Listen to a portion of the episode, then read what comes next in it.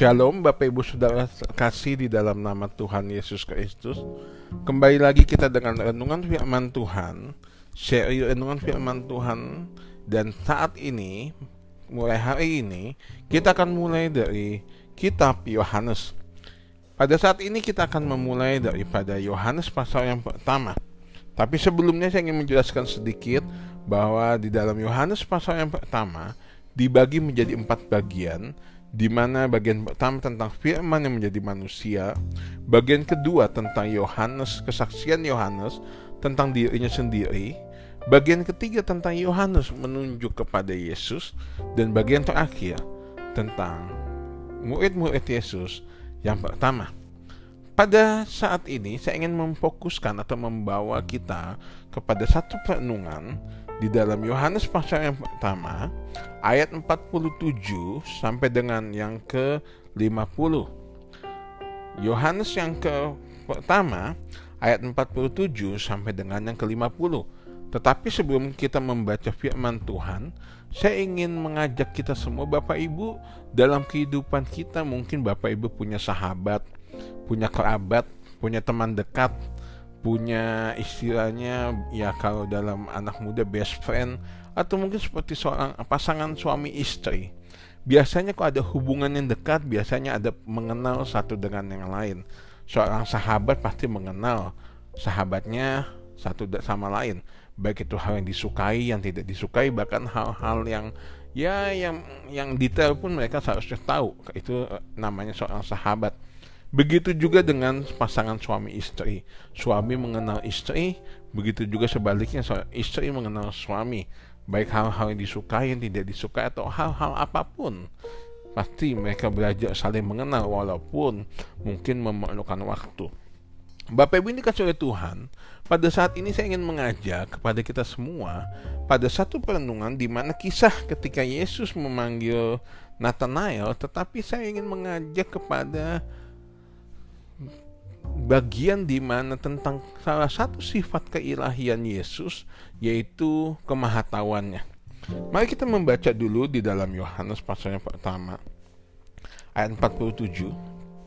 Kata Filipus kepadanya, "Mari dan lihatlah." Yesus melihat Nathanael datang kepadanya lalu berkata tentang dia. Lihat, inilah seorang Israel yang sejati, tidak ada kepalsuan di dalamnya.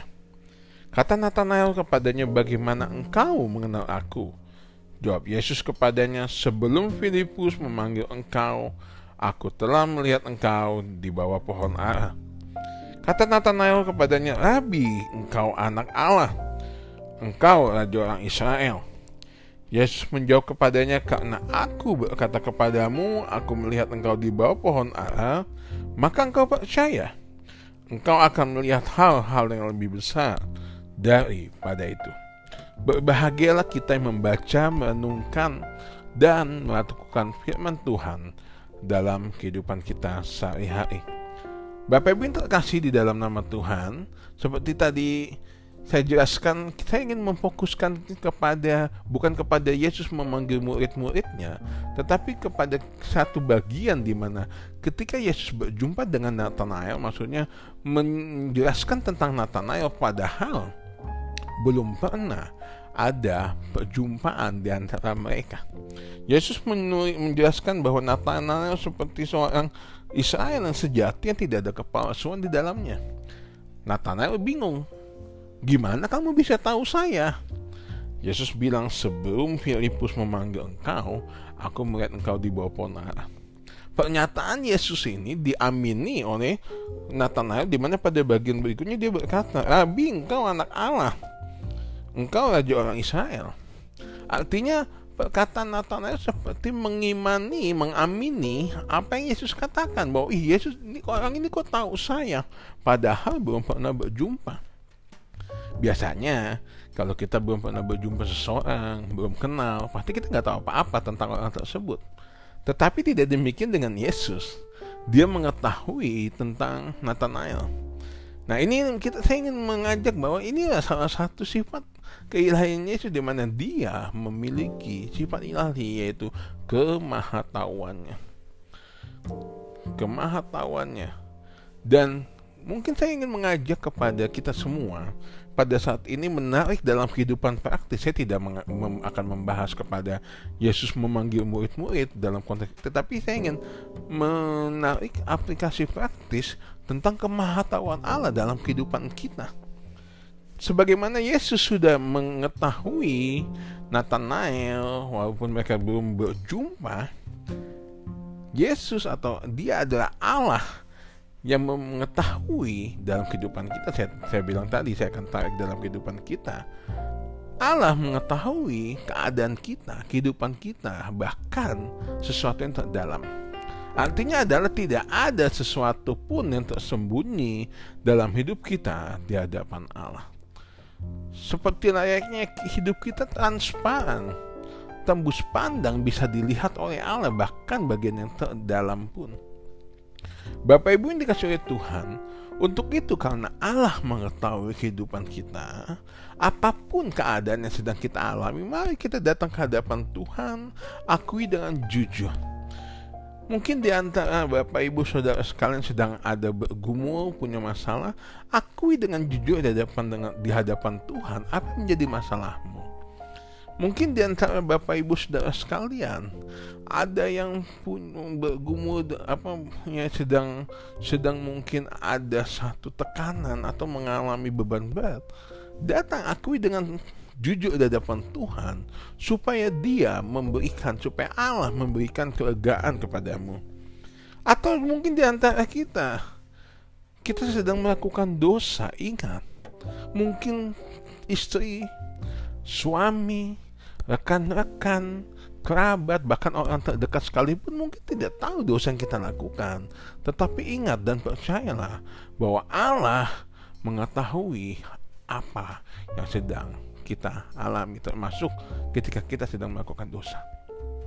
Untuk itu marilah mungkin di antara kita Bapak Ibu Saudara sekalian yang saat ini mungkin sedang melakukan dosa. Mungkin itu menipu, mungkin itu perjinahan, mungkin itu perselingkuhan, mungkin atau dosa-dosa apa pun. Yang baik kita sengaja maupun tidak sengaja, tetapi pada saat ini dalam kemahatauan Allah, maka kita akui dengan jujur Tuhan, akui dengan jujur apa yang sudah kita lakukan. Seperti layaknya Daud ketika dia ditegur oleh Nathan, dia datang kepada Tuhan. Dia menuliskan dalam Mazmur 51 tentang pertobatannya tentang dia merasa dirinya berdosa begitu hancur begitu tidak apa namanya tidak tidak layak di hadapan Allah.